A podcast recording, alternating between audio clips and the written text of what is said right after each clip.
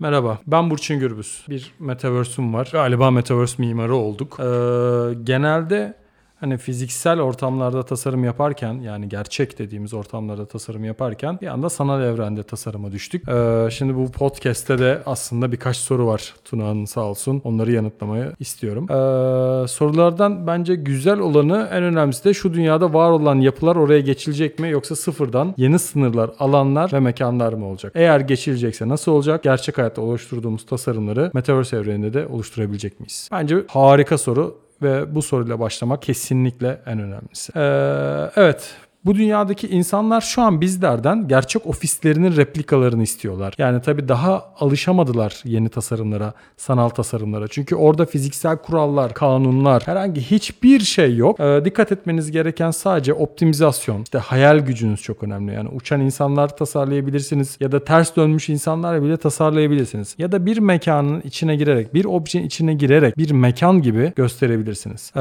bu tamamıyla değişken bir senaryo. Yani bizler şu an ikiye ikiye ayırdık tasarım ekibimizi. Bir tanesi gerçekçi prototiplemeleri entegre ediyoruz. Daha gerçek hikayelerle, gerçek gibi gözüken hikayeler içeriye alıyoruz. Bunun sebebi insanları alıştırmak. Bu yüzden bir köprü oluşturduğumuzu düşünüyoruz. İkinci sebebi ise insanların hayal güçleri biliyorsunuz gördükleri, duydukları ve bildikleri kadarını geliştirmekle başlar. Biz şimdi bunu geliştirmenin bir yolu olarak var olanı taklit etme ve bu taklit üzerine de yeni hayal güçlerini, yeni sofistike alanları tasarlamayı tercih ediyoruz. Yani bu hayatta nasıl olacak? Bu çok karmaşık bir soru bence. Hani bu soru e, neden karmaşık? Biz de bilmiyoruz. Deniyoruz. Var olan şeyleri yapıyoruz. Uçan insanlardan bahsettim daha demin. Her şeyi deniyoruz. Bakalım ne olacak?